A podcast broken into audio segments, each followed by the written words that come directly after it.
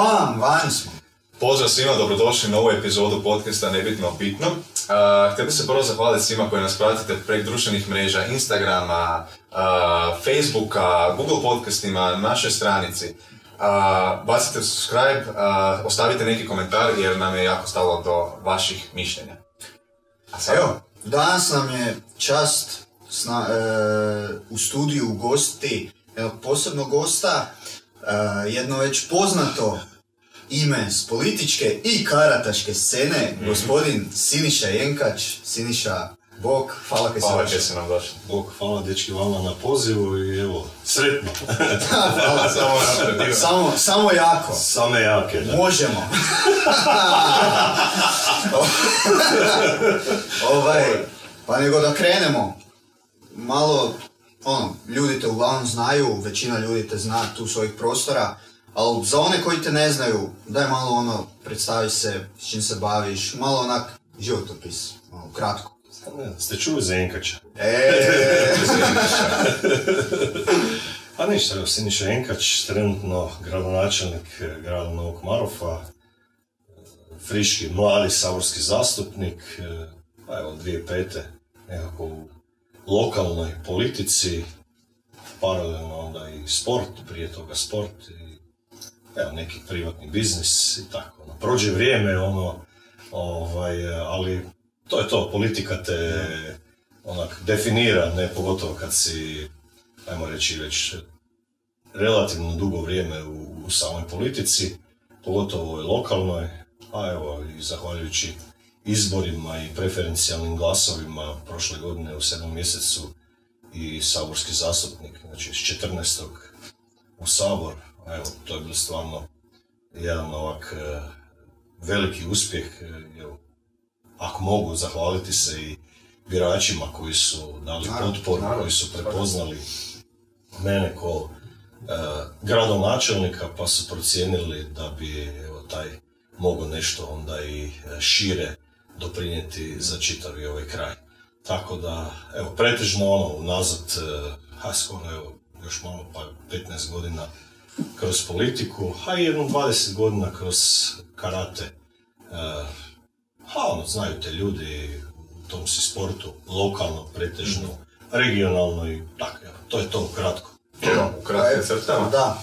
Pa evo onda, kad si već spomenuo taj karate, to je možda ono, čak i najz, najzanim, najzanimljivija stvar s obzirom da rijetko, rijetko imamo priliku vidjeti nekog baš ono uspješnog političara koji je bio i uspješan sportaš. Ono, na, na, na, No, na, visokoj, na visokoj razini, ne? Pa onda, kak je zapravo počelo to s karateom? Kad si, kad si zapravo počeo trenirati karate?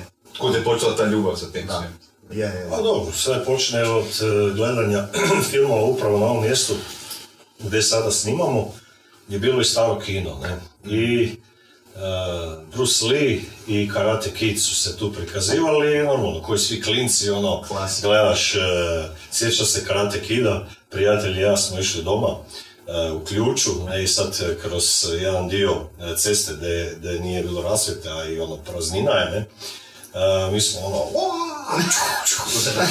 odem ja doma, ali mama neke moram Miyagija ste.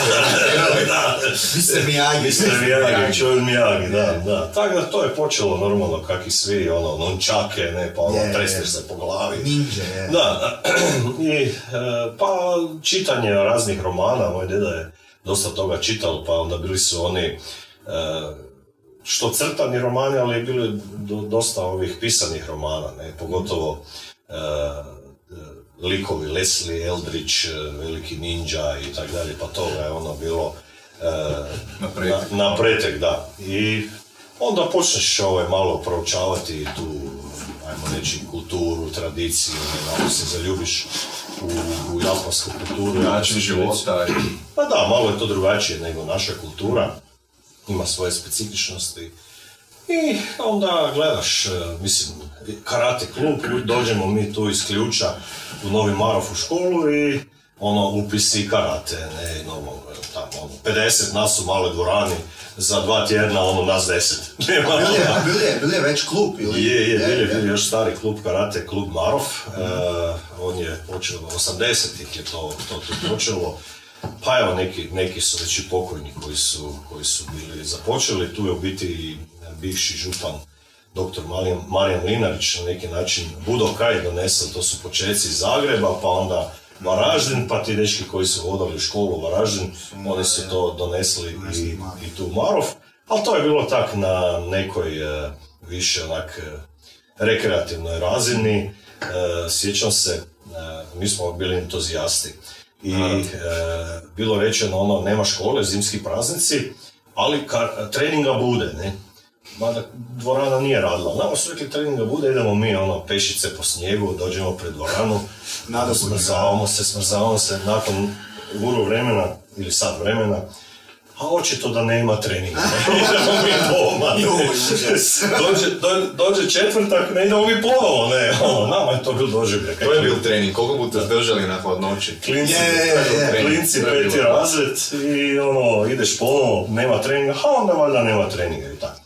I onda ponovo nekako kraj ovoga, kraj osmogodišnje škole e, je e, ponovo se formirao klub, onda je tu i, došao trener jedan koji je trenirali u, u Toplicama i u Ludbregu i, i, i u Čakovcu i tak je onda tu počelo karate klub Niči. Pa tam 99. kolega Ivica Sudec i ja smo uh, osnovali i svoj klub, to smo isto počeli onak roninski, samurajski, da velim baš ono sirotinski u, u jednom uh, vatrogasnom domu, štricama, ono ničega nismo imali. Kad smo pitali za taj dom, ono, e, vjetar je vrata srušil, unutra je bilo ono, e, za, za kak, kak velimo mi, plafta listinca, ne. I, ma može, može, super, ljudi su bili ono zadovoljni, tako su počeli kupljati mlade, tako da ja poznam ono, te generacije, dosta ono, svi su onda krenuli normalno na karate kako to biva.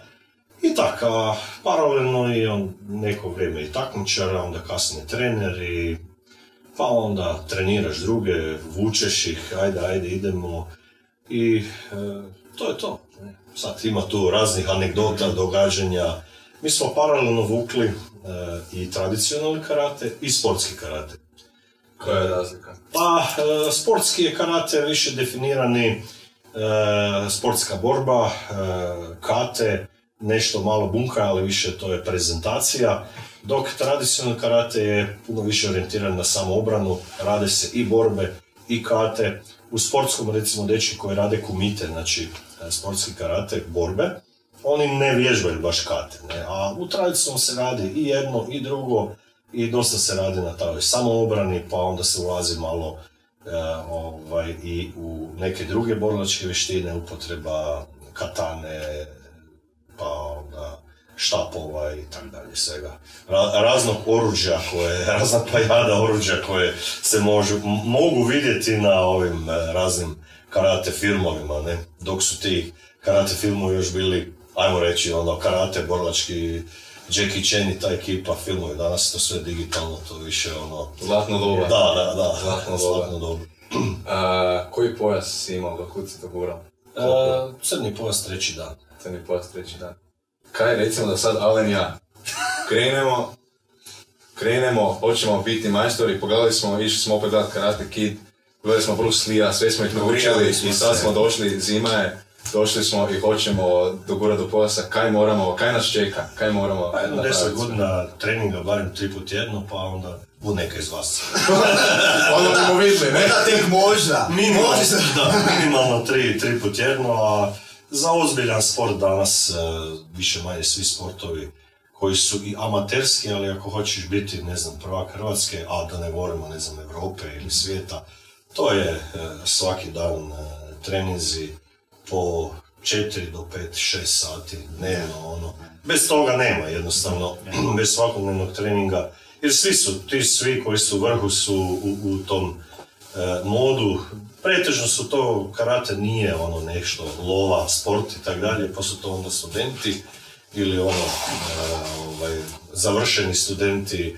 E, imaju neke države to posluženo da, recimo Italija, ti sportaši koji su stipendisti e, olimpijskih odbora, onda oni postaju i djelatne, da li vojne osobe, da li policijski karambije, karam, karambi- karabinjeri. ovaj, tako da, previše pijem. Daj mi ime na to će E, tako da, znači, na neki način e, nema tu, nije to nogomet e, i nije baš ono, e, nije borilački sport za, za svakoga. Ne? Da. To se vidi, ima neki dečki koji su bili stvarno krasni tehničari, ali kad ti dođeš u borbu, onda nije to to. Tako da moraš malo biti satkan u tom smjeru, moraš malo imati ono bikovsko čelo i tako. je, je. Da, da se ne bojiš udaraca i hvala, hvala. Samo, samo. I ovaj, e, moraš e, imati volje za trening, da nema druge. ne, Biti, biti uporan i ono, e, na početku normalno nije uvijek da su pobjede. Pa kako si rekao, 50 ih je došlo, svi su bili karateki, došli su, 10 ih je ostalo. Pa jasno, gledaj, kad tam te malo neko, kako bi rekli mi, vripne, ne, Je, ono, je. e, udarite i to, Prirodna se, selekcija. da, mnogi se toga boje i tako. Aj dobro, ima i oni kojim, kojima je to normalno, ne. Pa to da, je ono, Nova Guzicu je korak naprijed. Da, mene mama doma tukla dok sam mali, pa ono, kuglaš na to, znaš, navikneš se, znaš, ono, ko pes na buhe, tak si ti na Pa te ovaj šusne, ma nije to niš, ne, idemo dalje. I na treningu su me vređali. Na treningu su me A ovaj, slobodno se onda i pohvališ, osvojili si srebro na europskom prvenstvu. Kak je to uopće, e, kako si uopće došao na europsko prvenstvo, kakav je taj put bil, kak je bilo na samom europskom prvenstvu, koja su iskustva? Kaj si očekivao? Da. Pa ništa ne očekivaš, to je, ako nešto očekivaš, onda obično ti se to ne dogodi. E, ono, very empty mind, ne, prazan um, to je najbolje i Ko voda moraš biti. Da, da, da, ne, ne, čim imaš neke misli, odmah te one sputavaju i e, to je neke najgorega, ne. Odradiš svoje, pa onda e, kaj Bog da, ne. Dobro, velim, treba, treba ovoga, imati malo sreće, ali treba odraditi e, dobro borbe. Bilo je to evropsko stilsko prvenstvo u Grenoblu u Francuskoj i ovaj, evo, kako bi se reklo, dogodilo se, ne.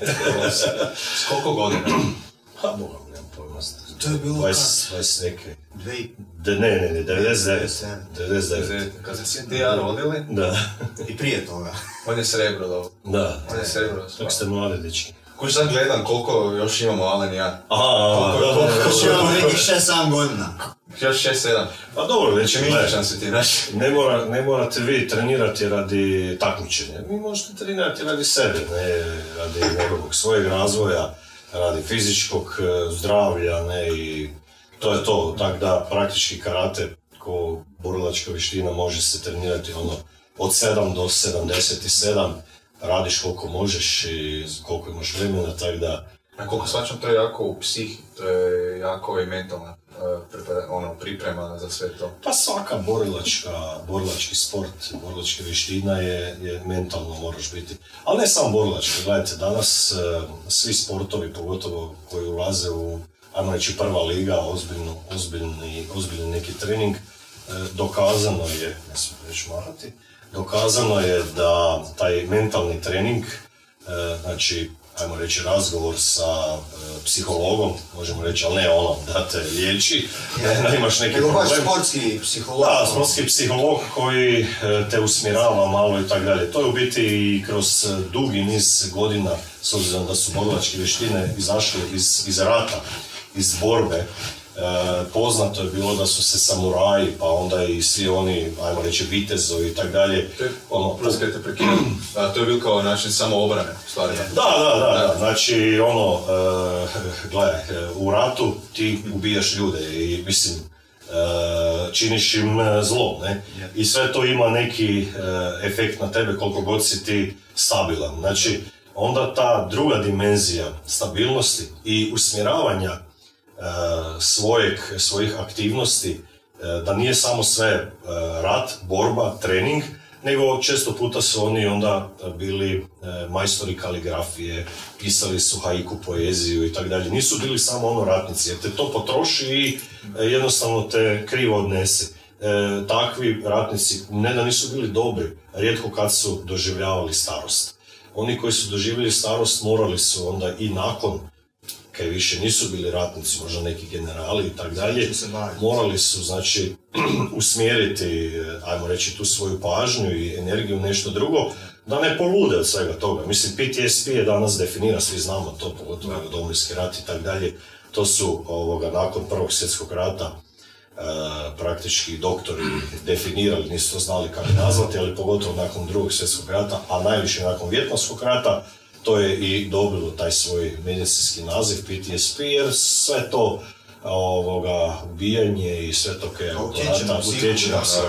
To su normalno istočnjaci shvatili daleko prije, sve te borilačke vještine na neki način poistječu ili potječu iz Kine, pa kažu i iz Indije, e, stare civilizacije. E, Kina je ujedinjena e, znači prije Krista, imali su, e, čini se, 500 godina, e, ajmo reći, tih građanskih ratova između država, između tih malih kraljevstva, između, to su bili države, gradovi i tako dalje. E, također Japan isto od nekih 11. stoljeća do, do 16. stoljeća isto je bil stalno u građanskom ratu i e, normalno nakon pet stoljeća ili, ili cijelo, cijelo ovoga tisućljeće e, spojili su, možemo reći, taj dio religiozni dio e, i, i borilačke vještine. Tako da današnje borilačke vještine, e, pogotovo istočnjačke borilačke vještine, e, se temelje i na tom nekom, ajmo reći, miran duh, smiren duh, zanšin, Filozofija. filozofija, da.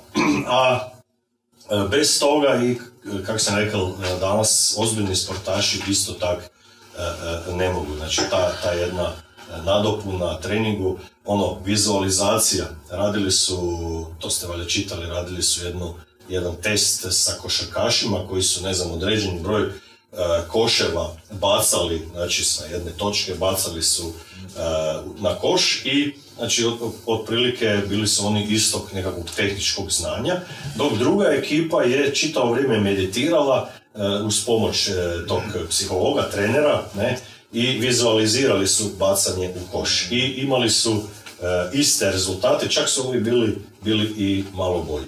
Tako da, znači, dokazano je u sportu da je vrlo važno i taj trening, ali onda i taj mentalni trening. Tijelo, jednako važan. um i duh. To je, Da, baš, da, da. Je, to je baš Kostelić e, pričao na, na podcast Inkubatoru, e, da skijaši, to jest bar on, ali i većina vrhunskih al, alpskih skijaša, da prije same utrke, dok prođu ono, pregled staze i to, da vizualiziraju Staze. svoju utrku. Da, to vidiš kad ono, Je, oni... je, je, dok Da, ide, vizualizira i da je cilj toliko, e, unaprije, e, toliko istrenirati svoj um da onak si unutar pol sekunde Da. maksimalno e, promaši. Da ti imaš stazu u glavi, ne? da ti Je, ne moraš je, e, je. doživjeti stazu kad te ti očima vidiš već je Je. gotovo. Da te ne iznenadi. Da, Ali- prošao da, voz. Ne? Da, da, da. E, ima japanska izreka Shin, Gi, Tai, Ichi. Shin je duh, Gi je e, tije- tijelo, e,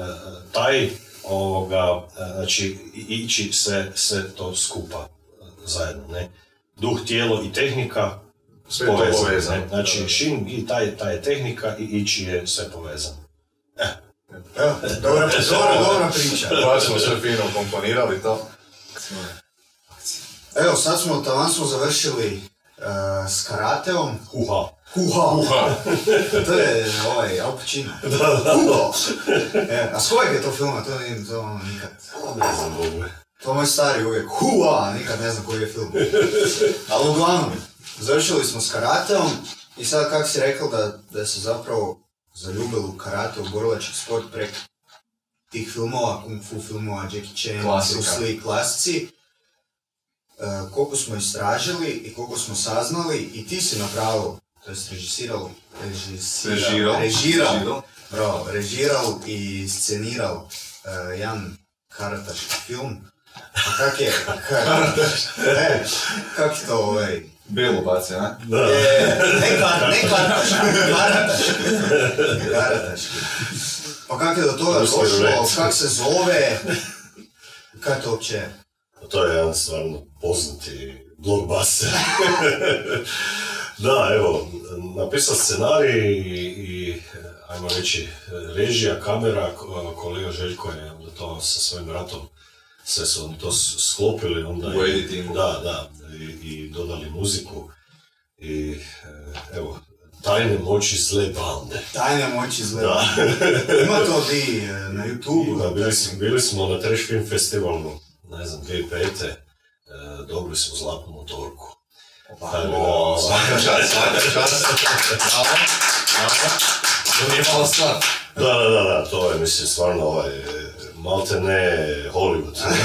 To je naš mali Oscar. Bollywood, da. Pa da, evo, već kad ste spomenuli, mislim, bilo je to davne 2005. Kad smo imali e, promociju, kak pamtim, e, bili su lokalni izbori, ne?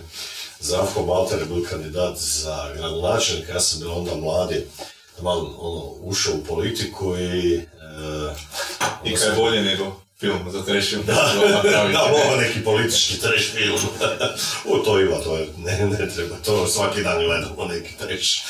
Ovaj, i, ali u biti inspiracija je došla od, od Bore Lija, ne, eh, velikog eh, poznatog hrvatskog kung fu majstora, ne, u biti njega je ovaj, našao Kovač, režiser, i eh, evo, jednom prilikom smo mi došli do moje sjenice, ovako, nakon neke ovoga, važne političke sjednice, ne, završili smo u sjenici i nekakve kobase smo tamo vrtili i onda počne ovaj Željko priča joj, ste gledali ovo ono, Bruce Lee, Bore Lee, ne, trash, ono, totalna glupost, ne, zajebancija.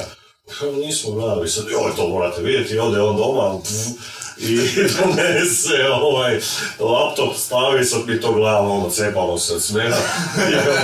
Jebo te, mora ovaj, ono, amater, pa mi moramo snimiti, mi, moramo snimiti ono, pravo. Jer ono, on fakat nema pojma o, o bor, borilačkim vještinama, ali to je ono, baš e, treš, teški treš. I rekao, mi budemo bar ono, te nekakve naša znanja ono, uključili. Rekao, pa ajde, mi neke snimili, ali opet treš, ne sad, ne znam, ne znam kaj. A ja sam puno gledao ko klinac normalno ono, Karate Kid je bil samo jedan film, ne Bruce Lee, ali tu ima ono, Jackie Chan ima desetke filmova i ono, videoteka Felix nekad se podalo u videoteku, to i mlađi, koji možda budu gledali ovo, budu rekli kakva je to videoteka. Ja se sjećam, kada sam bil ko mali, bila je jedna. Bila je tu u Marofu. Je, je, je. To se za... Svašta se posuđivalo u tim videotekama, to je bilo ono, kazeta, ne, onda VCR, ne, sad to gledaš. E, prijatelj, moj kum Sandro i ja, ono, srednjoškolci, subota, nikoga doma, mi u videoteku, ono, bunt s biciklima, normalno bunt e, ovih e, kazeta i onda smo gledali tak dugo e, video dok nismo pojeli ono dve kile napolitanke, ono nismo to gledali i jeli, ne. I, a dok nije na vid- videu se mogu se ono jajca speći, ono, vužgao se. Je, je, je, I onda ono ko zombi na terasu, onak nadrogirani od tog televizora. Mislim, ono kad klinci, ono, nemojte gledati tablete, ono, aj, Či ti veli da neke ne smiješ da, to, Pa dobro, nije, to je bilo ovak, e, ta, taj, taj video bilo neke kaj si mogao ono za vikend gledati, ne znam i to ono kroz jedan ko je to gledao, nego ono vikend, pa jedno sad videoteka, posudimo ono 5-6 filmova, ne znam ono, 3 plus 2, kak je to bilo, ne, I onda maraton. i onda maraton, normalno. I onda normalno Jackie Chan, tri neka filma, ono, tajne pesnice, ne znam, pijani Shaolin, eh, ono, Drunken monk, Master, tako da, učitelji. Mislim, taj je poznat to, toga svi znaju, ali ima još desetak raznih tih kung fu filmova i obično ti prvi filmovi i prva, prvi nekakvi, eh, ajmo reći, i stripovi, a i knjige.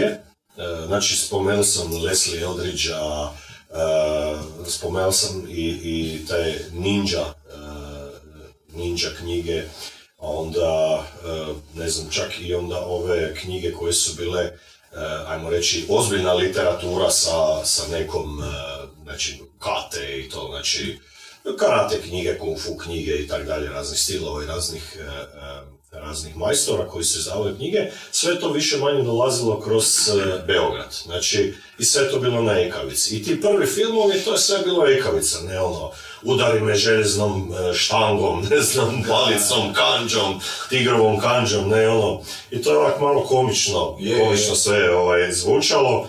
E, onda, kaj je još interesantno bilo, oni govore kineski, ne, a, a onaj, snimljeno engleski, ne, to je isto onak bilo za današnji pojam, ono, e, Sinkronizirano. da, da, sinhronizacija, ono smiješna, ko bi, dan- danas to niko ne bi gledao.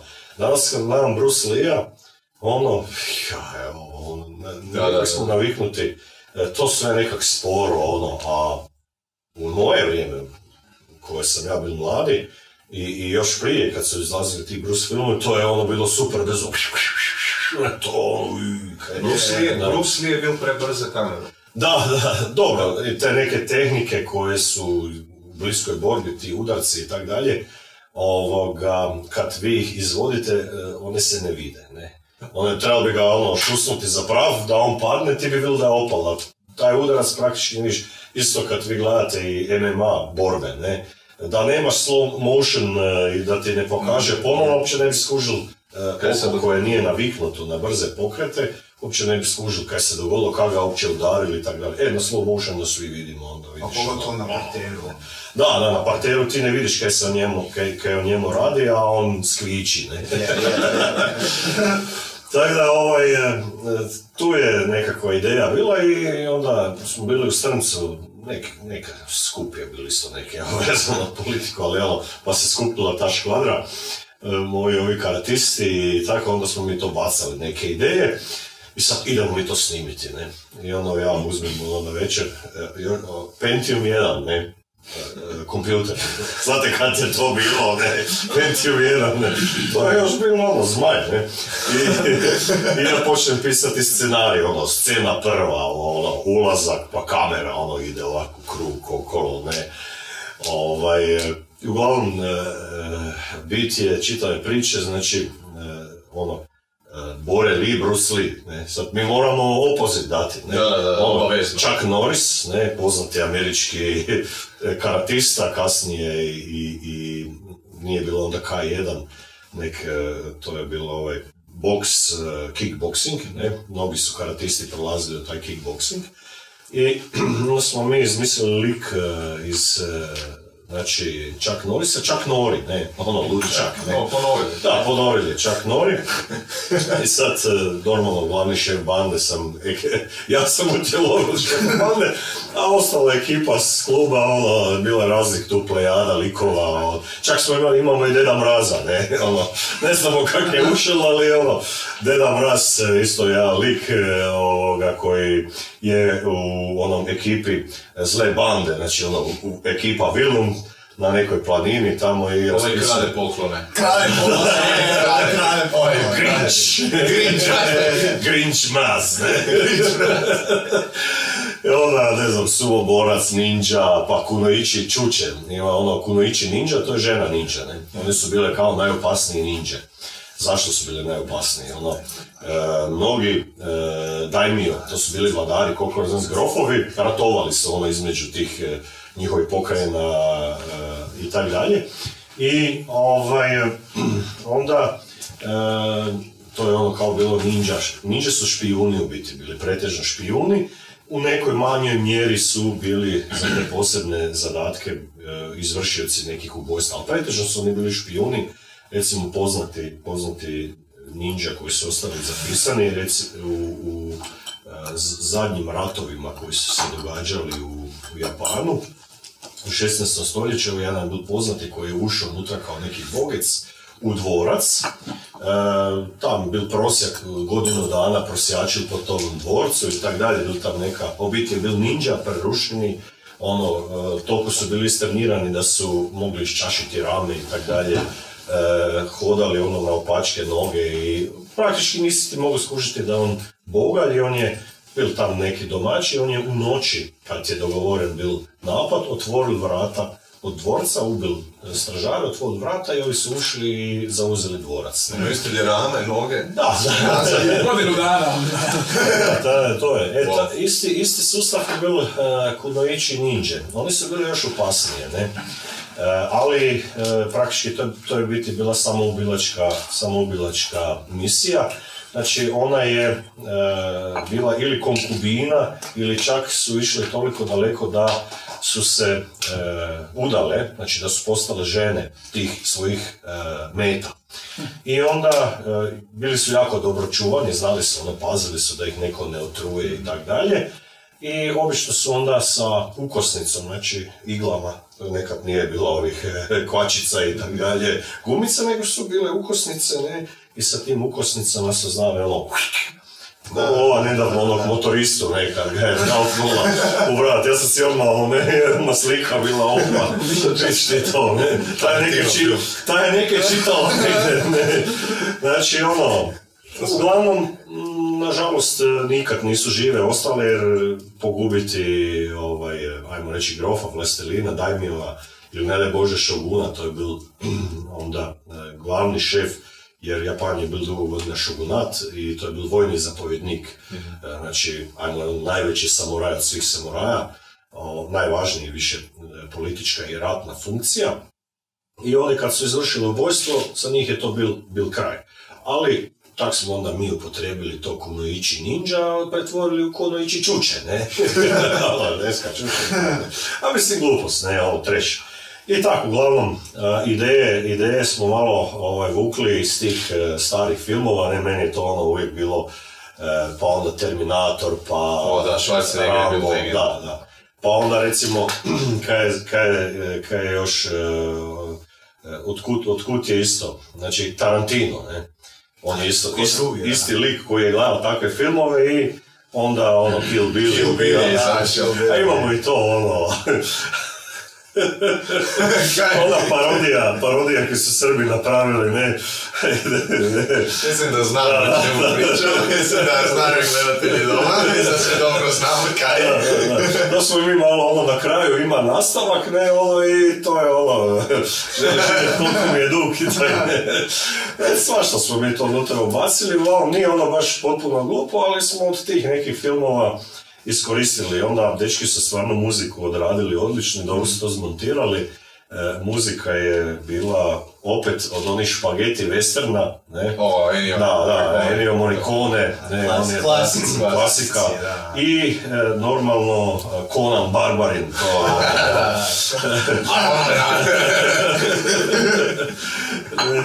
I, i, i, ovaj, e, sad lik taj, da završim sad s tom pričom, taj lik e, Chuck Norrie, u, u biti, e, meni je to malo ono, e, gledao sam od Michaela Moora Ludi za oružjem, ne?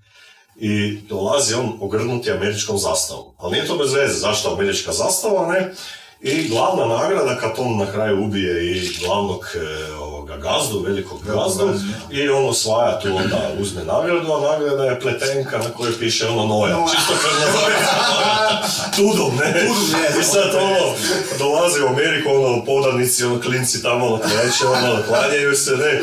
Ali poanta je, ne, ma nisu oni ludi za oružje bez veze, ne? Čak u čak ono, naše noje, ma ne su, napili se noje, postali ludi za oružje. Ajde, Živjeli. Živjeli. A to je to, to je to kod trash filma, da bude što luđe. Ali ima smisla. I onda naši ljudi misle trash film. A nisu... Pa da ima neku priču, ne? To je to. Da, evo, mi smo se, mislim, ono, to je baš bilo, kako bi se reklo, iznjedri, ono, gledaš te filmove, pa onda te ideje čupaš iz tih filmova, malo baciš ekavicu da to, pa ispod titlovi, normalno, ono, prijevod, znaš, ono, isto priča, ovoga, ono, englesko, engleski, kineski, i u biti špageti westerni, to je bilo, to su najbolji westerni Je. bili, ono, nakon, nakon eh, ovog poznatog američkog eh, borca, kako je ime, John Wayne-a, ne, O, on je bilo legendarni John da, Wayne. John Wayne je jahal na konju kroz, e, ne znam, tam preriju, ali ono, nema prašina na njemu, ne, a onda dolazi Sergio Leone i ovi su zmazani. Ide ono, Clint da, Eastwood, ide- ne da, prepoznaš ga. Sav ono, e, izgleda kao Meksi- Meksikanac, sunce ga opržilo. Da, Da, više da, da. životna priča, ne. I Morricone s svojom muzikom vrhunski. I onda smo još, dečki su stvarno dobro to skužili i izmiksali su malo i vatrogasce, ono, kad ga ovaj udari s nogom, ono, ali to ponavljanje, ponavljanje e, tih pokreta, to je isto ono, e, veli meni, još znaš, tu ste malo previše, ali on, to smo mi namjerno, to je cilj, naglašavanje gluposti, ne, da. ono kad vidiš ovaj ga udari, ne, ono, tš, tš, tš, tš, ko da ga deset puta Je, jednom je, je. rukom, ne, a mi ono još dodamo deset, ono, a u pozadini e, pjeva ovaj, vatrogasci, ra, ra, raspići, samo dobro i radi to, samo ga mač. To je to, to je to. A dobro, stvarno dobro ispalo i, i ovaj, žiri je, evo, dobili smo zlatnu motorku. Povezali se. Da, je, da, u, e, u kategoriji borilačkih e, filmova. Drama. Ko- Koliko, koliko vas je bilo? To bilo nas je negdje desetak koji smo. Biti, e, kak se ono veli, ja sam bio glavni kostimer. Ovaj, ono, doma uzmem šlem, veliki gazda, ona gazda, ne ima šlem na glavi i črne naočale. Nisam mogao bradu, ovaj zaboravio, ja bradu, ili kak bez brade si došao, ono, obično veliki gazda, neka brada sjeda, ono stoji, ne.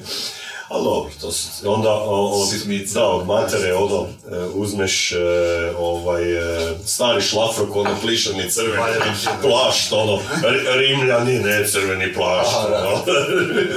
Mislim, nije, nije baš ono da je, da, da je sve bez veze, ne. E, Znači, sve ima neki smisao. Svaki lik ima da, da, neku ima, svoju neku, određenu- da, ima da, neku da, da. poruku, ne. Pa idemo to probati najti onda neke, neke kadrove. Aha, do, Ima na YouTube-u to. ne? Ima na YouTube sigurno. Ma nema sve, ali došli su čak i eks, ekskluziva su nas snimali. Kak je to bilo 2005. ono to je bilo baš onak... Ovo su baš pioniri neki. Da, more se reći da smo bili u- u- među prvima u tom trešu, a mi smo to tak iz... Evo nas natrag. Uživo. Mi smo to iz Afrikancije snimali. Ne? Kako se zove, misli, eksploziv? Eksploziv, da, to je bilo možda pa. Ajde da vidimo kaj je. Amaterski film u posljednjih je nekoliko godina... Tata- ponos Tatjana Jurić koji- Svjetski majstor borilačkih vještina i hrvatska zvijezda trash filmova, tko drugi nego Bore Lee, dobio konkurenciju. I to filmom Tajne moći zle bande, čije snimanje u Novom Marofu privedeno kraju. Dario Šarac. Snimanje u Novom Marofu. Kao ovo, je- ovo je ne? to je za Afrikanci. Ovo, ovo, Ovo je fakat editing je odličan. Slow motion. Ko Kadrovi. Zack Snyder, ono, slow motion. E, pazi sad ruka. Na kraju, ne? Hop. Je, je. A ko je to, e, ko su to? Ko je to, e, ko je to bil? Aha, to je tajni ninja. Tajni ninja. Hrabar i nada sve pravedno. Ime mu je Chuck Norris. Chuck Norris. Zvijezda je filma Tajne moći zle bande. poziv na turnir, ono, znaš kako su nekad pisali rukom ono nogometni turnir, znaš, ono, Osti! je, to sam ja. Jednom šlem na glavi. Stavi se džupi. Još ima američku zastavu, ima od mojeg starog motorističku kišnu jaknu kao Nazvala je u suradnju dvaju novomarovskih karate klubova. Niči i Okinawa. ekipa je jednostavno dobra, vježbamo svakodnevno i jako moramo biti jako ozbiljni i koliko smo ozbiljni s jedne strane, treba nam sad što smo jako pametni. Dakle, jednostavno sve zajedništvo, iz tog zajedništva nastao, nastao film Tajne moći zle bande. Tajne moći zle Dečko iz Kine, China boy. Kako ste ovo snimiti bez da ste se smijali ko, ono, ko ludi cijeli dan? To je u štricama. Je, u štricama dobro. Znači jedna, jedna Evo ga. A, a pazi kamerica, kamerica ono mala ko današnji mobitel, malte ne, a svako malo baterija se sprazila, ono puniš kameru, čekaj, čekaj, ne, koja nam je sad... Stani u sceni, svi se napuni. Evo, Kaj, evo, internet evo. tehnologija. E, to vidiš. Evo. E, ništa, mi smo bili... To je ovaj slow motion, Slow sad motion, ide, da, da, da, da. sad ide, došlo bude. Pa dobro, vidjeli smo ovo glavno. Ne, ovo super izgleda, pogotovo onaj, onaj kadar s ninjom. Ne ovo sa mačevima, s svim katanom, sve, to je super. Može, može. Može, pogledaj, pogledaj, složi to. To mikrofon. Dobro, ću. Spoji, spoji, spojit ću ga ja, pa ću vam kasnije opet za treba vidjeti. Može. Može, može, naravno. Mislim da je... To te zrezali, jel sad? Ovaj dio, ili idemo live? Samo nastavi. Samo, Samo, samo nastavi. Malo nas je internet zeznuo, ali nema veze, to, to su te male čarije ovog modernog doba, ne? To je... Gle, nekad si imao ono olovku, ne, i VHS kazeta, ono, ne, ono u autu si imao ono 20 kazeta, ono, različitih, ne, a snimali smo sve živo na VHS kazete, ono, to je bile puni ormari tih VHS kazeta, ne znam, spotova, filmova, sve, ono, tak je bilo, ne, to je iz tog vremena. to je kad sam ja bil mladi, malo mlađi neki ste vi sad, ne.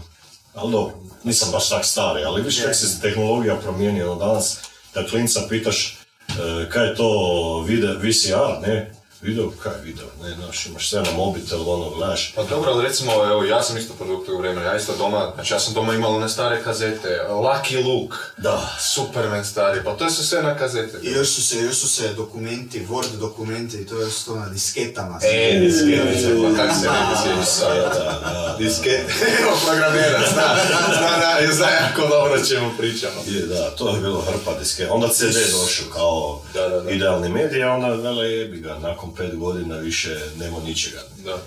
E sad su to sve na stikovima, na diskovima, ali... Sad više neđeš, ne, ne otiđeš posudit film, sad ga skineš. Sada skineš, da. A, skineš, Legalno, ne, s kakvi svi Da, ostali. legalno. legalno. Je tako Legalno ga skineš. No, ali još uvijek je u kinu najbolje gledati film. To je, nema, apsolutno. nema do kina, Da, ono. baš iskusno. Da, ono, kad počne ružiti sve oko tebe, strepeš se. Zaboraviš da si uopće u u Marovu Varaždinu, na ovoj kugli zemaljskoj. Sjeća se bile neki Terminator, ne znam sad koji već, ne, i sad e, nije bilo mjesta, ono, gužva u kinu, Varaždinu, Lumini mi se čini, tamo se otvorilo. Sad sedim ja u prvom redu i neki tumači, ono, držim ovak, op, držim ovak nogu prek nogu i neki tumači. I ono scena, ono, vu, ja, ovo, o! Majku ti ne. Kad u 3D. Nije bilo Ne, 3D, nije. ali ono, znaš, kaj tu si blizu, prvi red, Zvuk je... je, Da, pa na novom James Bondu sad, ono, ne bu spoiler ničega, ali ono, išli smo gledati i kokice držimo i sve kad ono odjedanput, naš, paf, du. kokice u facu, štiti. To, je najbolje. Pa to je to, zato si nekad u kad, kad si dolazil u kino, onda, ovaj, kak se zvao, kolporter, kak se zvao, kad je puštao filmove, ne? E onda imao si, da, ne, dobro, to je prije, ali imao si ono, imali filmove onim velikim eh, buksama. Da, da, da, da. I je baš film, film. Onda imao si film, na dva, tri, recimo, ovi zamajovih ne, imao. tri role, E, ne, i onda kad je ne. njeno role, onda ono, fučka, pa malo ono nariftava sliku, ne, a vela ova ekipa koji su gledali ove e, filmove za odrasle, ne, onda je ovaj namjerno malo ono kad je sad neka zanimljiva scena, ne, tamo se udaju, ne, i sad on malo ovaj, zamuti sliku, ne, da, veselje, ne.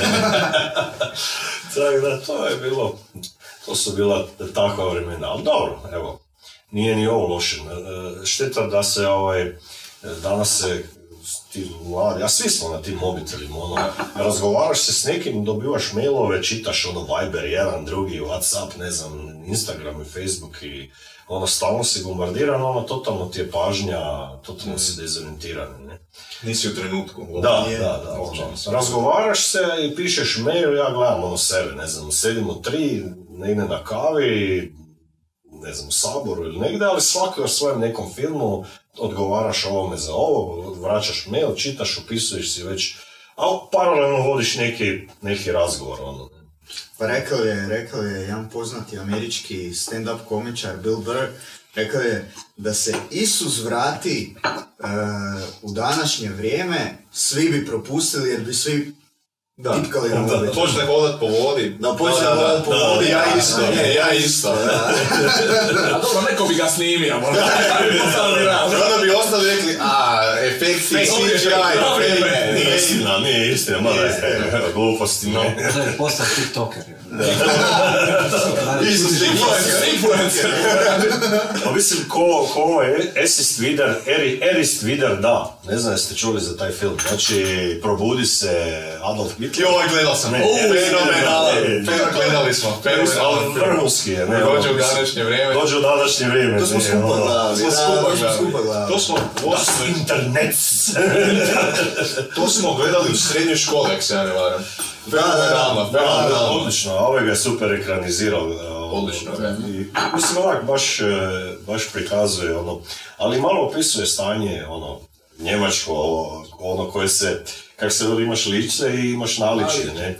Baš, baš to isto e, e, na neki način taj film prikazuje, ali i taj sras, e, onodobni ljudi današnje tehnologije, ne? Najbolje je bilo, a nemate ovu ministarstvo za propagandu i kontrolu, ne, ne, puštaš kaj hoćeš, puštaš kaj hoćeš. God. Kaj se dogodilo?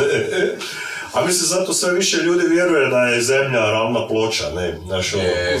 Jer ti nemaš danas, e, mislim, ko nema taj kritički um e, malo razvijen i nije barem malo načitan, e, da nije samo Wikipedia ili, ili ne znam, ono, nekakvi ti Fake news. fake news i ne znam kaj, ono ti ga...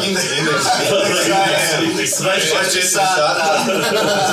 A pazi, 24 sata je najprodavanije novine novine Da, svijetu. nažalost. Da, Da, da, ne, da. tam nemaš ništa, imaš, imaš naslov i neki takozvani tekst, na kraju imaš onog, e, ja volim Feliksa ili kako se zove Da, njihov, ne, imaš neku ovaj, malo razgoličenu ženu, ne, je i, i, i to je to, ne znam sad ono, i tako ono nabacane neke, neke vijesti, vije, da, imaš križaljku i... To ne. Križaljku, da. I su- i su- sudoku.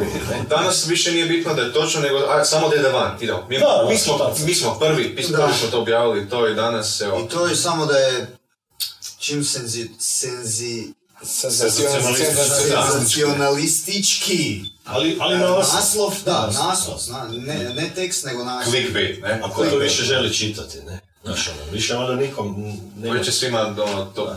A ne znam, da, to, je, to je tako, ali e, ima, nekad je to bilo, imao si, e, ja se sjećam, meni je djeda pričao, on je ovoga, e, 21. rođeni, e, 1921.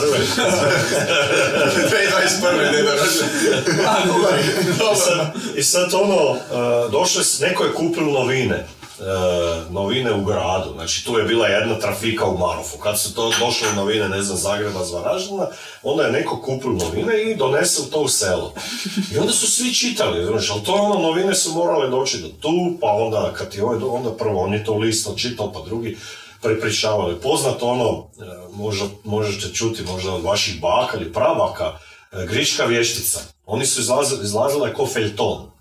I onda oni koji su znali čitati su čitali i prepričavali drugima po selu ono događaje, je. ko je kome kaj, ovo ono, ne, ovoga, tajne krvog mosta i tak dalje. E, tako da, i znači, iz, iz te situacije dođeš u situaciju gdje si ono bombardirani Informacijama. s informacijama, ti imaš stotinu portala, lokalnih, regionalnih, nacionalnih, e, 200 televizijskih ono, kanala i tako dalje. Ali mada kaj je meni interesantno, e, još uvijek to nije zapravo zaživjelo, ono, kad je pojavila se ona televizija, ja sam isto volio televiziju gledati, tako da ono, kad vidim klinca da gleda, ono, ne smijem previše kritizirati, ne, ono, meni je često bilo... Bolje da je ono, pred nego pred mobitelom. da, sad je to ono. Ali okej, nekad smo više gledali dokumentarce, a danas tih dokumentaraca ono o životinjama, National Geographic, Animal. Planet, ne. Imaš sve, ali ono, kad, kad gledaš u globalu, ljudi to ne gledaju.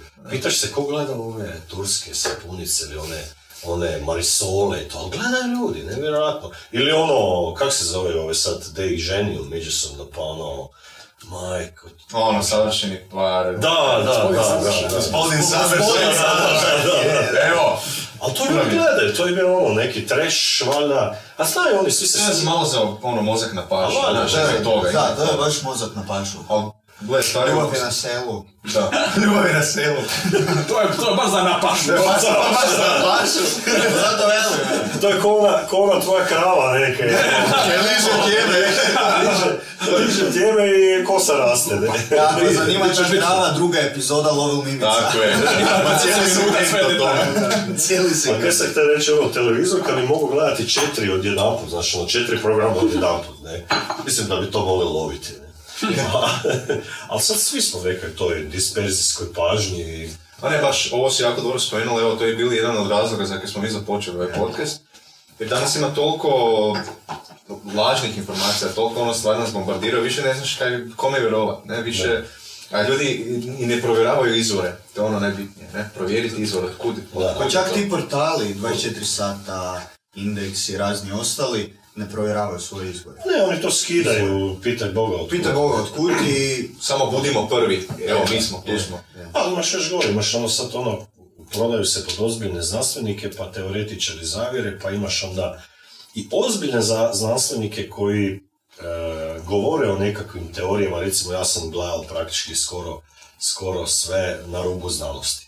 Ali to se piše na rubu znanosti, znači to je nekakva ono i alternativa i tak dalje. Ali neko to ne kuži da je to na rubu znanosti, da su to masu toga nije znanstveno potkrijepljeno. Ima nešto što je, znači ono, na rubu znanosti, malo je, malo nije. Ne, Da, može da, biti ovo, može biti ono. Ne? Siva zona. Da, siva zona. Neko, A takav je i voditelj. Mislim. a može ali neko u to vjeruje. E, to je- To je, najgore, Da, kad, imaš oni koji to vjeruje. Mislim, ono, David Icke, e, ja sam čitao knjige, O, ne? Znači, ono, čovjek bolestan šizofreniju ima diagnosticirano, njemu se ono, ukazala, nije mu se ukazala Marija i Isus, nego mu je providnost se spustila na planini, koliko mi, ono, na planini, junak, ne, i tajne moći zle bande, i, i on piše, i sad on normalno nije glup, opet je bilo Nije načitan, glup. nije glup, Nije ne glup. načitan i sad on Nije to povezuje, sve prastare teorije razno razne spaja u jedno i, i to. I sad imaš ti ljude koji, koji recimo nisu to čitali, ali uzme nekakvi, neko obrađuje dio Davida Ajka, pa onda zalijepi negdje i ja znam svesti ljude i ono, mislim, koji u to vjeruju. Ono, Ali, de, ali David. Icke je rekao... Da, da, E, da, pa, sam Icke. ti rekao. Svaka, ne znam kako sam ga ščupao svaka ti čas, evo sam bio manji, sam čuo za Davida Icka. Reptili. E, reptili, on Idem ja sam, e, išao sam ti ja sa svojom familijom, išli smo 2012. u London, posjetiti se strično. I on ti je baš pričao specifično da kraljica je reptil, kraljica Je, kraljica je reptil, idem ja, naš mali Tomica ide u London i rekli, gledajte, gledajte Ujedin- Ujedinjenom kraljestvu, pogotovo u Londonu, koliko ima zmajeva, kipa zmajeva i svega to. To su ono stvari reptili. Ja rekao, wow, e, znaš kaj, prosvijetili si mene. I idem ja po Londonu, Rekao, gledam, okrećem se svuda oko mene reptili, nikom ne vjerujem, nikom ne vjerujem.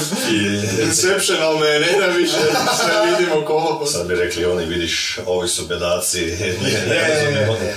Ali gledaj, A to si dobro rekao, kad sam mali i ovoga, povjerovao sam mu, kaj da radim, rekao. ali ti, ali ti ljudi nisu pročitali nijednu njegovu knjigu. Uzmi knjigu, pročitaj Davida Ajka, pročitaj neke druge.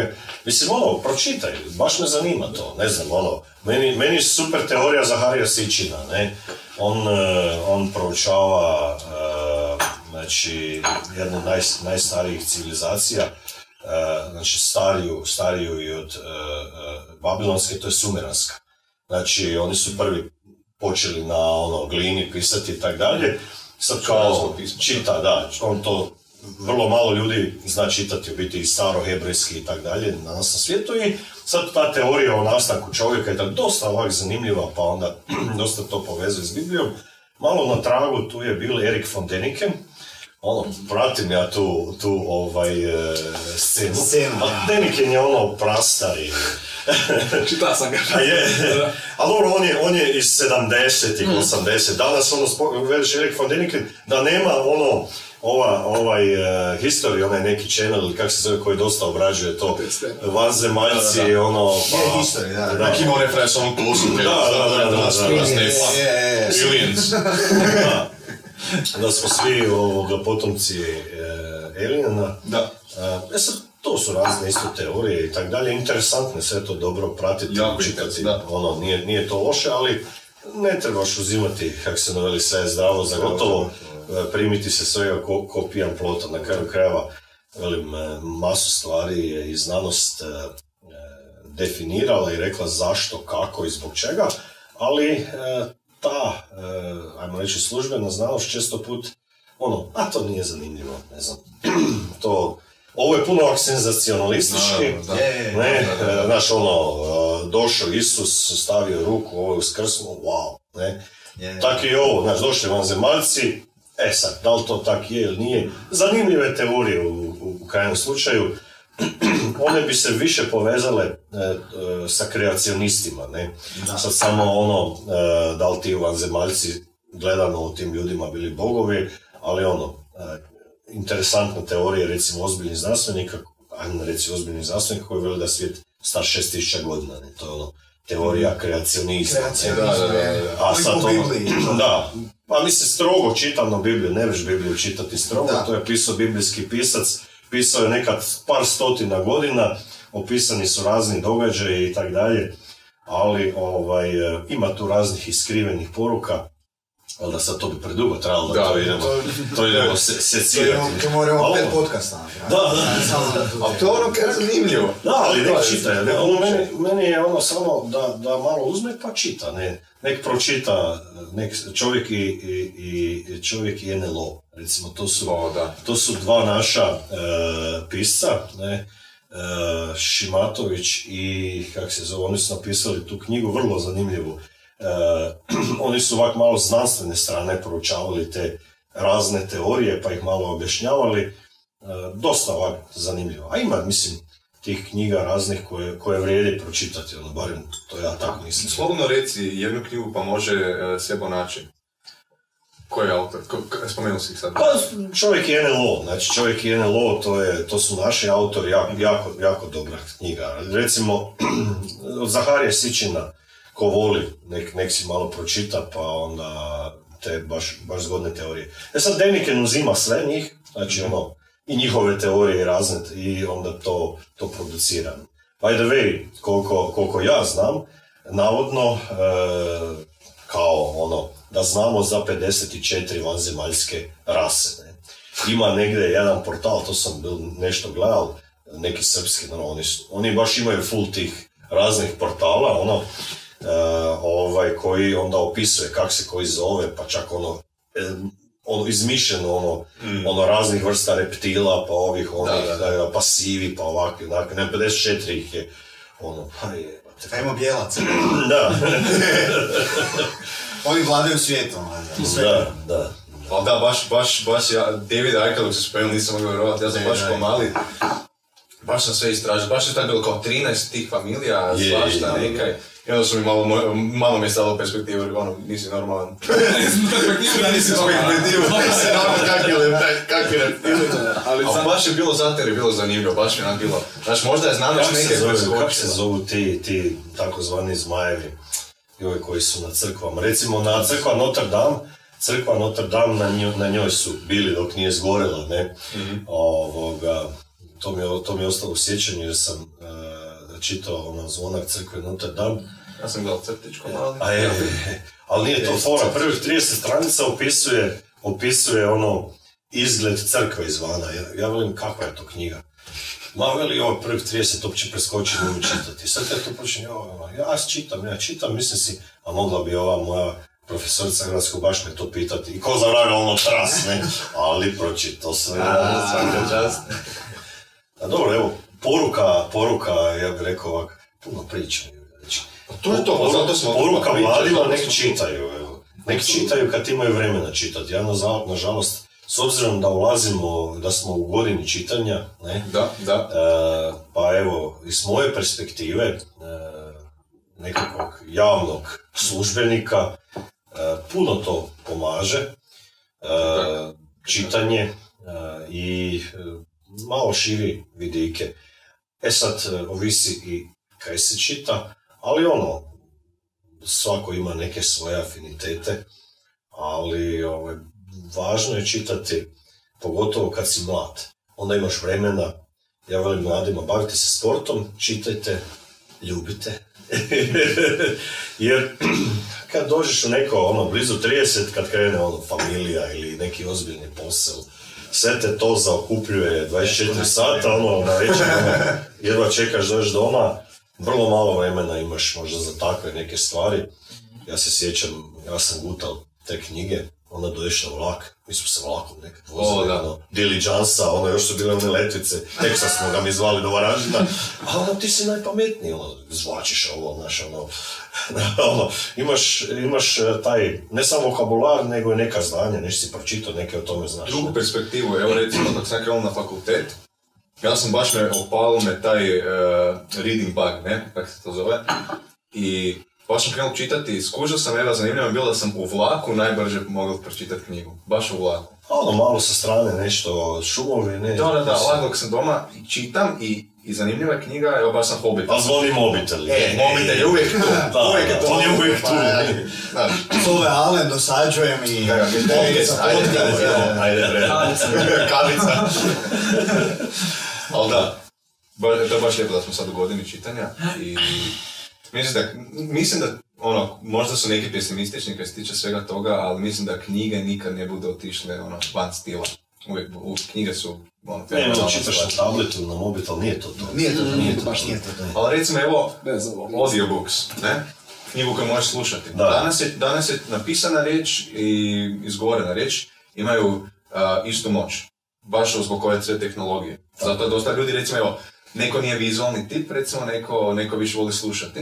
Pusti si knjigu, ne? Da, da, pusti se knjigu. Pusti se Puno, knjigu, puno ljudi znam koji više slušaju knjige nego Da. ih čitaju. Zato kaj moraš pored toga raditi još. Ima odličnih emisija, recimo, koje bi ja preporučio, evo, može, koji gledaju. Shout out. Znači, ima Hrvatski radio prvi program, treći program, produciraju stvarno odličnih, ovak, e, specijaliziranih raznih emisija, ne. Baš radijske Da, emisije. da, radijske emisije, pa mislim ima ovih koji su e, danas petak, ono, globotomija, ne, ona je više malo fodor, ne, cirkus emisija, ali odličan, nije baš ono potpuno, potpuno bez veze, a ima recimo povijest četvrtkom, to ja obožavam, ne, ono, mene povijest dosta zanima, pa to ja redovno pratim. E, recimo Andromeda, krasna emisija, i x, y drugih emisija stvarno ima, možeš slušati ono, ovoga, slušanje na zahtjev, tako da svako ko e, nema vremena, pusti si emisiju, sluša.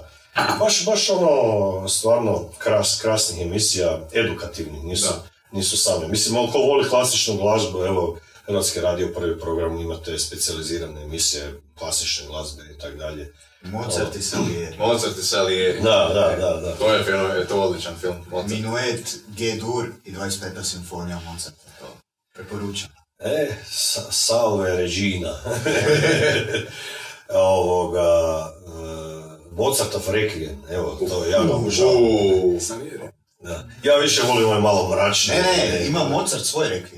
Je, Mozart, ima, Mozart ima svoj Salieri ima Requiem. svoj. Aha, Je, Mozart dva ima su, svoj dva Requiem. su, dva su. Je, je, Mozart ima svoj Requiem, odličan je. Meni je, meni je jedan od najboljih Requiema. Ovaj, ali, e, znate kaj mi je super, recimo, spajanje, e, ali to je već klasika.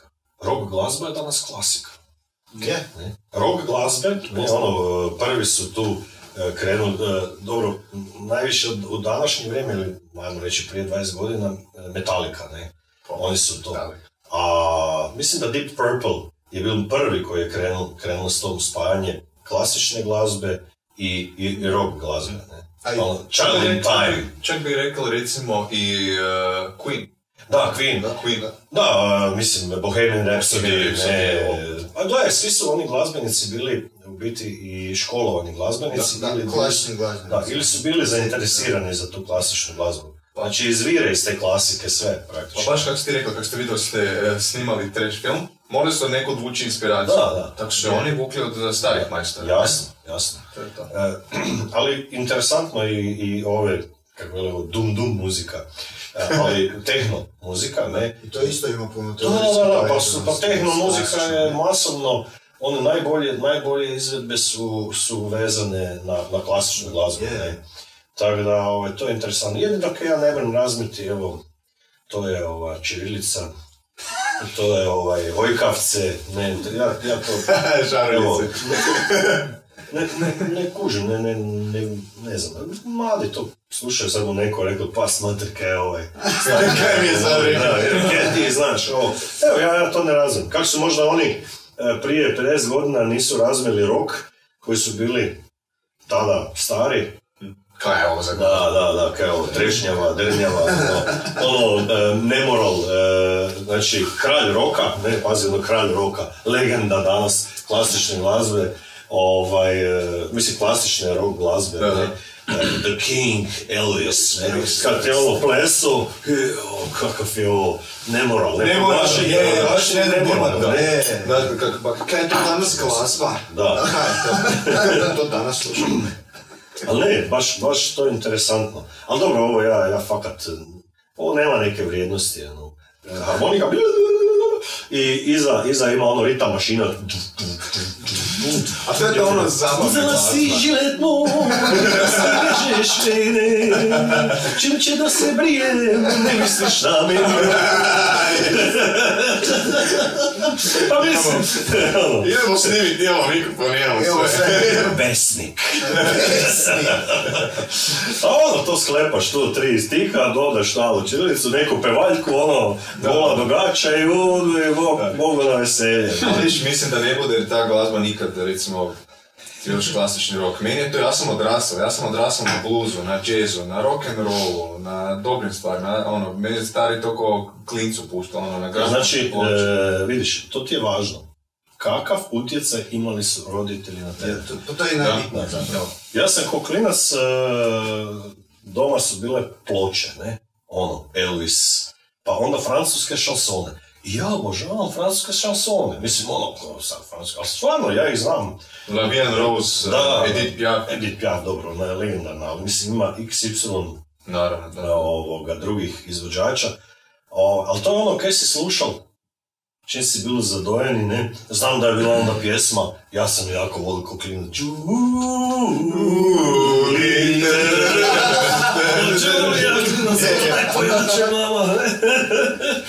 To je, to je ovoga... E sad, to valjda kazam, od doma dolazi. Ti mladi roditelji, danas koji imaju 30-40 godina, koji su slušali takvu muziku, ono, trešti mali se vozi iza zicu, ne, trešti cajka, ne, kaj bo on bogati, pa ima već oprani mozak bogati. E, Sinan Sakić Još treša. mu drne ono, još mu drne ono pred glavu, jer te ono, ne, teško da bude ovaj, e, slušal neku ozbiljnu To je, to stvarno je bit, bitno je i roditelji i okolina, a kad ti jednostavno čuješ, ti jednostavno prepoznaš dobru glazbu, to je ono, koji dok vidiš dobar film, prepoznaš, jednostavno, ako, ako je dobro, onda bilo dobro bi sad. Znaš, klasična glazba nije jednostavno. Mislim, ima klasičnih hitova. Da. I to je svima onak primamljivo. A sad imaš i ostale klasične glazbe koja, ono, nekom... Nije tak poznata, a fenomenalna. Je, ali trebaš ti malo saživjeti s njom, ne? I mnogima je to, o, kao ovi tu cvili u nekaj gudiju, da, to bez veze, ne? I treba ti malo vremena. Mene su uvijek inspirirale opere. Ono, ko klinac, niš ne razmiš, kaj ovi sad to tuliju. Deriju se na njemačkom. Da, da, neke se deraju na talijanskom i njemačkom, ne? Ali ono, znaš, e, gledaš to, pokušavaš shvatiti neku tematiku. Priču, Je, je. E pa to smo se baš, pardon, to smo se baš jučer razgovarali. jučer smo se razgovarali. To su bila kina Tako. za njihovo, e, u njihovo vrijeme. Da, to je bilo To je njima bil je bilo event, njihovo- je, sad da. da idemo u Da, to je njihov kina, tablet, e, Je, i je. tablet i sve je bilo, Je. ne? I onda su da. Sad, sad ti probaj tri sata operu slušati. Dobro, gledaj, pitao je. Labući. Labuđe jezero, Orašar, to je fenomenalno. To da.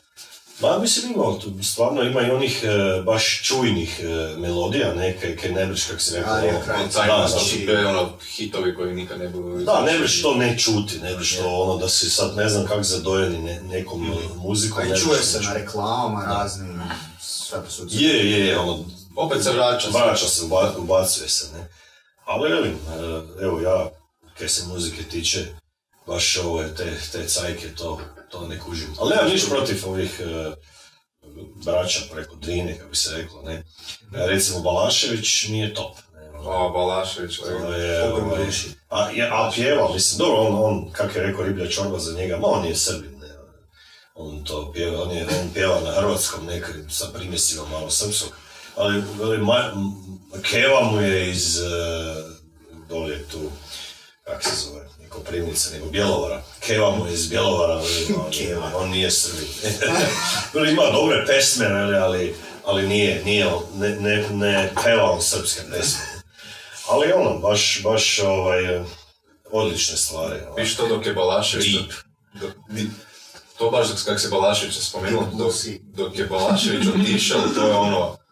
Recimo, moja mama je baš pogodilo. Razin, ja nisam nikad bio na koncertu od Balaševića. Ona mi je rekla, vi, vi, dakle, vi, vi djeca ne budete nikad mogli ono, osjetiti to kako je na koncertu jednog takvog čovjeka. Ne, stvarno, baš. Velikana. Recimo, on, on dugo vremena nije radil velike koncerte, nego je radil, eh, recimo, manje koncerte u manjim prostorima, klubovima i tako dalje, kao da se tu najbolje osjećao, ne. E, ok, kak je sad taj internet, pa ima tih snimaka ono, gdje on govori, prepričava, ono, ali dobro, on je, t- on je ovaj, Vojvođanin, ne, u biti, i, taj štih, kaj je meni interesantno, taj štih Austro-Ugarske, on prenosi u svojim pjesmama, ne. Baš ono, e, nije bio samo umjetnik, bil je i znalac, bil je i načitan i ono, e, i, imali je tu povijesnu jednu crtu da je ono sve kaj je bilo nekad prenijel i pretočio kroz pjesme, valjda kroz priče od svojih, ne znam, ono, djedova i tak dalje. I tu nekakvu onda e, život, životna događanja, ili ajmo reći društveno-politička do- događanja uvijek malo pre, pre e, bi rekao, isprepel kroz, kroz pjesmu, ne. Ono, nisu bile samo ljubavne. Da, je. Da, da, mislim da ono. Najbolje mi je ono, sloboda, ne. Sloboda ne, on je... Ili ono, e, Mirka, ko te sada dirka, pod prozore dolazi, Mirka Mirjana Milošević, ne, ovoga, e, žena, kad je ovaj ošao u zatvor, ne, Vas niko ne sme dobije! da, ne sme niko da vas bije. Sem mene. I naše poli- milicije. Milici! Je, on je, on je sa tom rečenicom ono, postao ovaj, poznat. Je, je. A dobro, viš. Ali Balašević je ovaj, baš bil ono, kontra, kontra, ovaj, Milošević. kontra Miloševića i te njegove politike i ovaj, e, drago mi je to da je to, da je to tak bilo, ne. A evo šteta, ošo, ošo. Da. Ali baš mi je ono i djetinstvo i ono, dalje kroz godine Balašević mi je uvijek bio nikad, ono, neko pusti Balašević, to se ne prekida. To, to je je baš ono... Panonski mornar. Panonski mornar. Veli, nije, nije, veli, nije zlojak neki mornar ostane bez lađe, zlojak mornar ostane bez mora. to je baš je ono priča. Panonski mornar ne, ostao bez mora. ne, on ima ovaj band, mornarica, ne, panonska mornarica. No, baš ono, nije ono sklepano bez veze, nego ima, ima sve neki, neki smisao. Tako da, evo. Može jedna od Balaševića. Može, može. Pa Bože zvani pup, to je. Može zvani A to je može. Može, ajde. Možda je najveći hit. Dobro. Pa da gledaj još djevojku sa čadaš. E, ja sam htio reći, ne. Ja, to. Djevojka Može, sa čadaš može. nogama ili, Anita isto, dobro, ako su malo življe, ono. E, daj okreni. to se mnogi nađu u tom, eh, u tom ovoga stilu. O, daj okreni, ringi špil u mojoj glavi. Polovar, kafe macchiato. Ko je uma sad? Pusti ih sve. Pusti album. Cijeli miks. E, ja imam... ćemo, pustit ćemo Anitu, ali je, op, op, op, samo sekundu, interesno pe pare. Siniša Znate, odluči. pa da se, se, se pisma Anita se u originalu zove Budimpeštanski s- snije. s- Je, snijeg. je, budi paštanski snijeg, bravo, bravo, vidim da, da ga Tu nam je naš konsilije, evo. Vezao. je, da. paštanski snijeg. Tu je, tu je. Ne, ne, ne. Zavile juli. Ne, odlično. Odlično, ovo reklame je to. E, to, to, to. Može, može, može, može. Evo, ovo je, ovo je, ovo je fenomenalno. Streš film festivala na, na Balaši. Na Balaši. Se uopće nismo planirali. Čekaj, e, rok smo slabo... E, rok smo slavo, da. Znači, kaj slušate? Sad ja vas pitam, malo zamijenimo uloge. Ja slušam rock, metal i... Ne,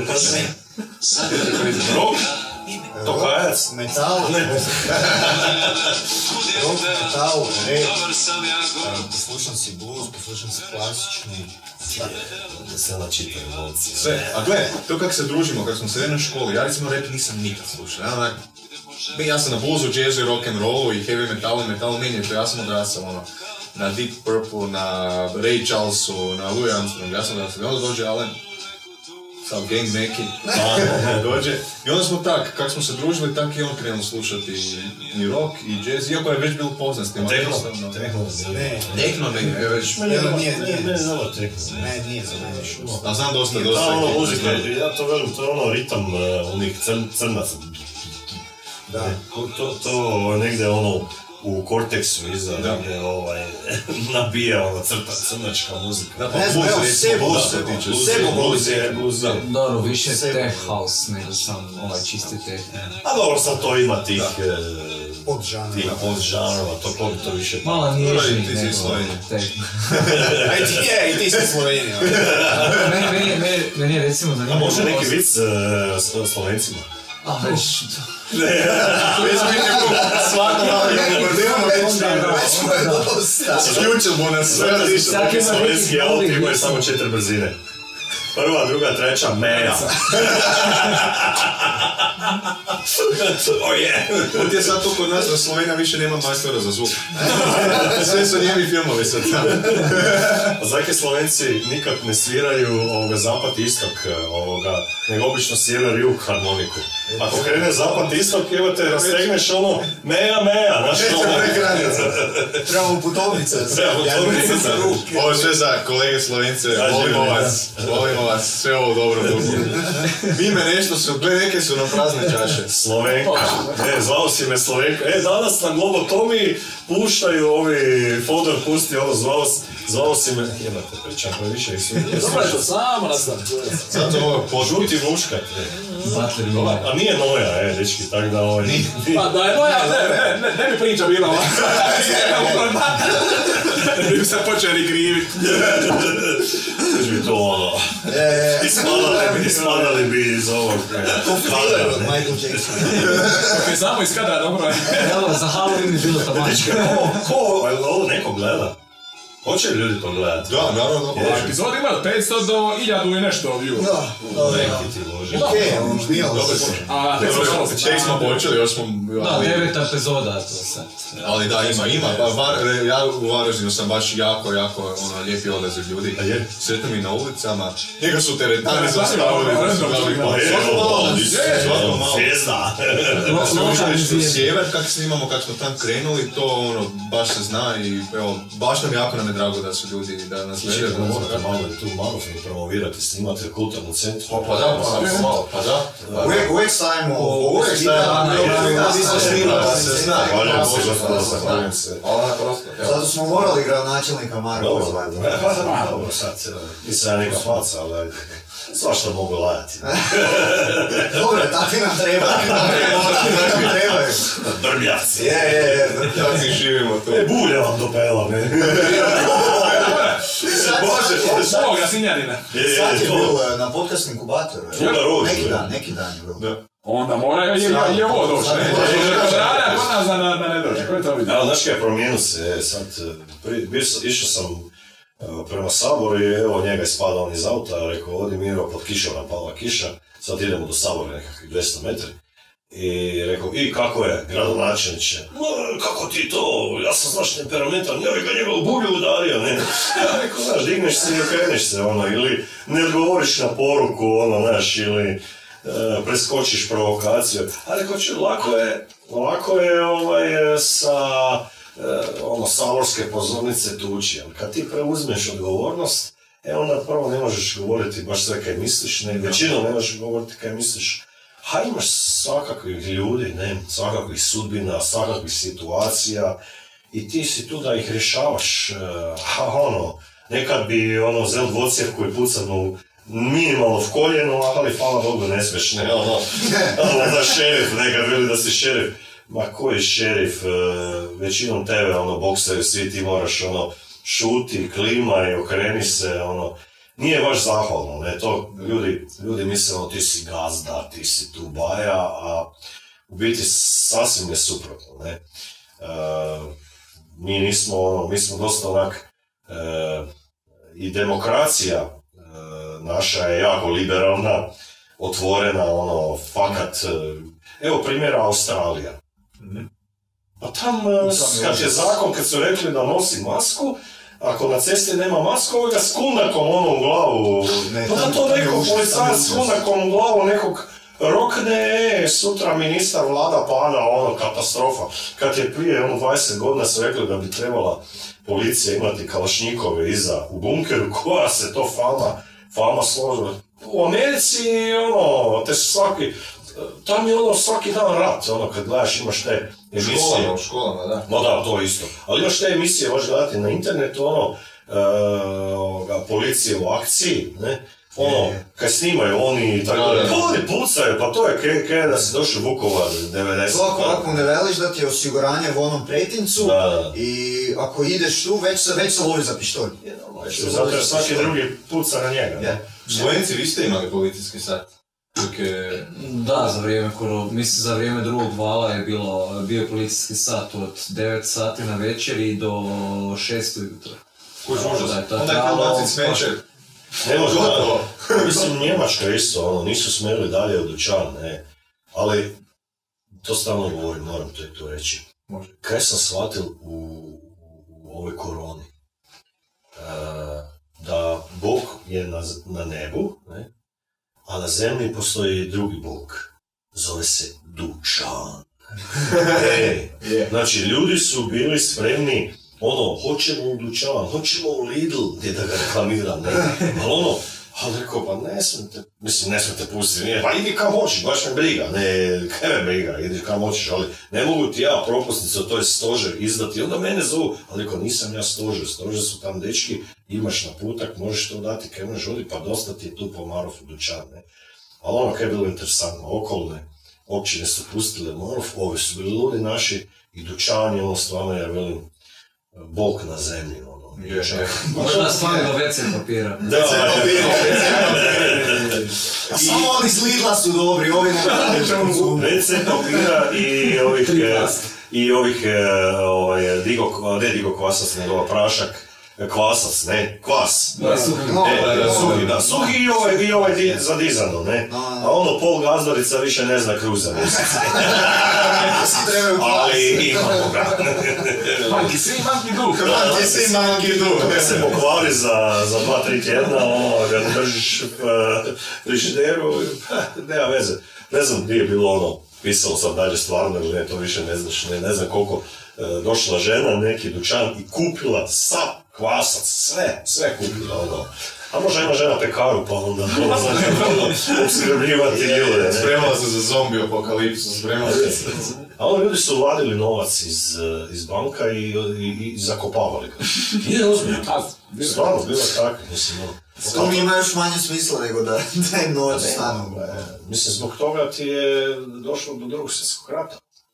E, ekonomska kriza, ne, 30-ih, ovoga, gdje su ljudi e, praktički, prvo novac je inflacija pojela, a ljudi su izgubili povjerenje u banke i e, vadili su novac i, i tak dalje.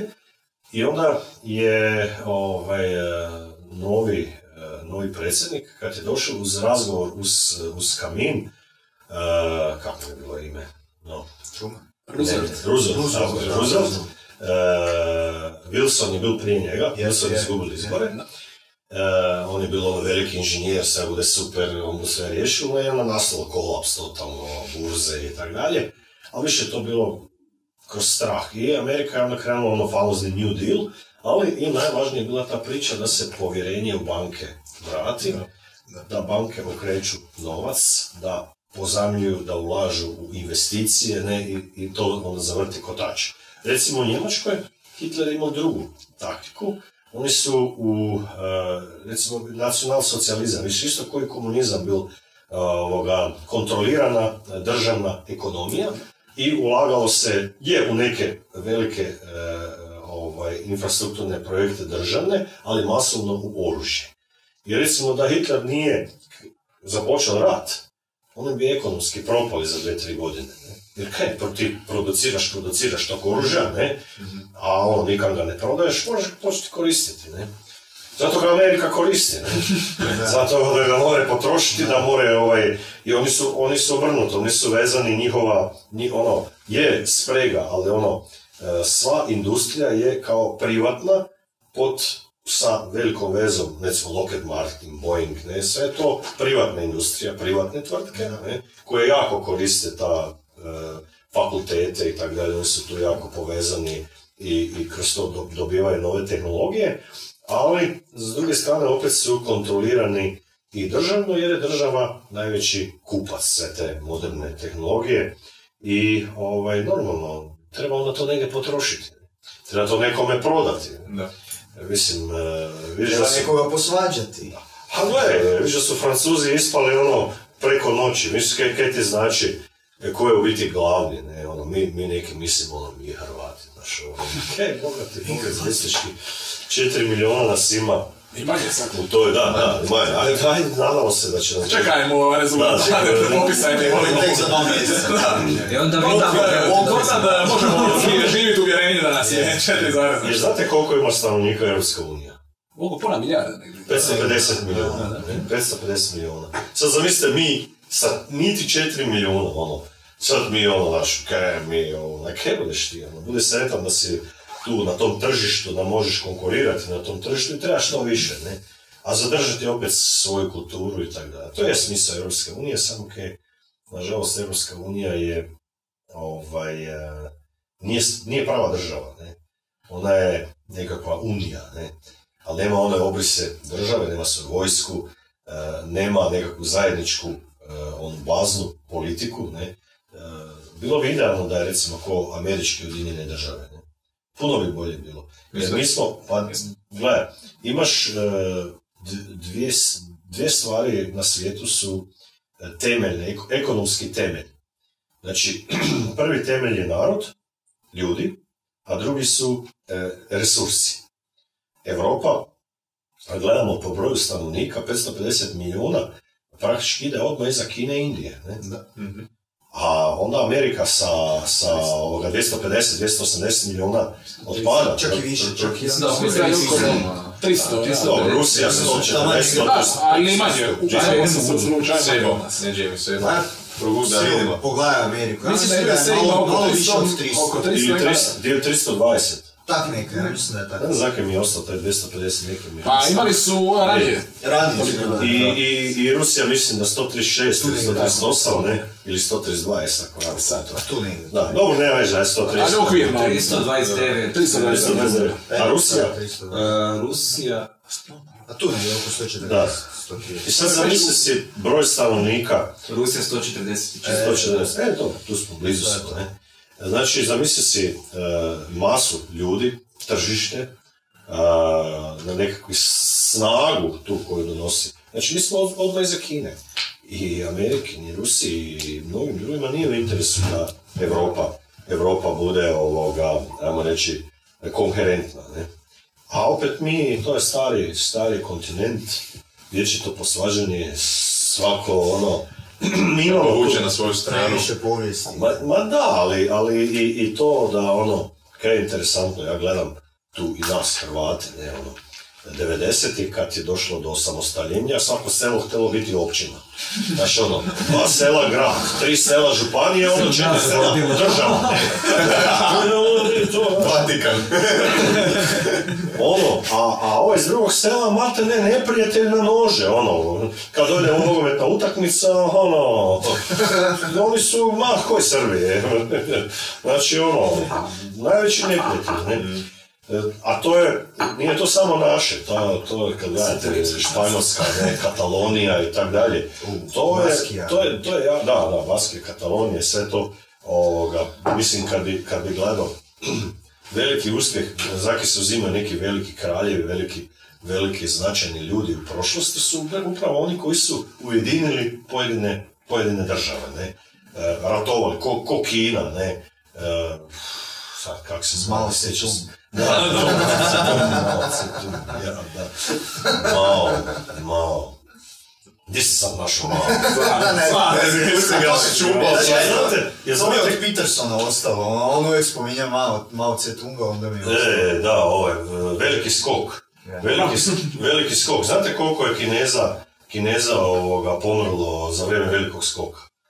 10-20 milijuna je bio. 30. 30 do 30. 50 su procjene. Znači, ni oni sami ne znaju 30 do 50 milijuna. Da, da. Ali recimo u to vrijeme, u to vrijeme recimo krajem rata, kaj je interesantno, krajem rata, drugog svjetskog rata, znači kad su u biti e, komunistička partija, kineska komunistička partija, 48. ovoga, istjerala Čanka Šeka, ne, Čanka Šek se po, povukao na Formozu ili Tajvan, ne, još uvijek je ta, onda, onda su oni s- planirali da budu invaziju napravili, nisu imali dovoljno ni resursa, ni snage i tako dalje. Znači, e, 300, 360 milijuna stanovnika imala Kina. Pazi, došli su do milijardu i 300 milijuna.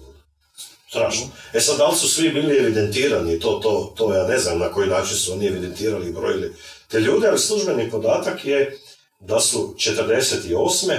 imali 300, 300, ovoga, 50, 360 milijuna stanovnika. Tako da taj, između 30 i 50 milijuna ljudi kad je umrlo, to je bilo strašno. Da, to, je- to je ogroman, o- ogroman udio, što je... A recimo, kaj je interesantno sad, ne? to mi je pričala japanska veleposlanica. Jer ja sam predsjednik ove međuparlamentarne, odbora za međuparlamentarnu suradnju e, između Hrvatskog sabora i Japanskog parlamenta. Pa onda malo smo bili na primanju kod e, japanske veleposlanice i tako dalje, pa smo razgovarali, bi se me pozvali tu na rođendan 100 godina e, Rabuzina, došla, odazvala se, ne.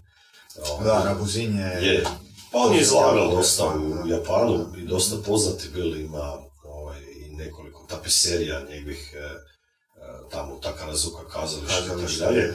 Ovaj, pa u Kyoto na fakultetu, e, unutra u nekoj predavoni i tako dalje. I dosta slika prodalo u, u sam Japan. Kaj mi je rekla, recimo, Kinezi imaju trenutno e, negativni demografski prirast.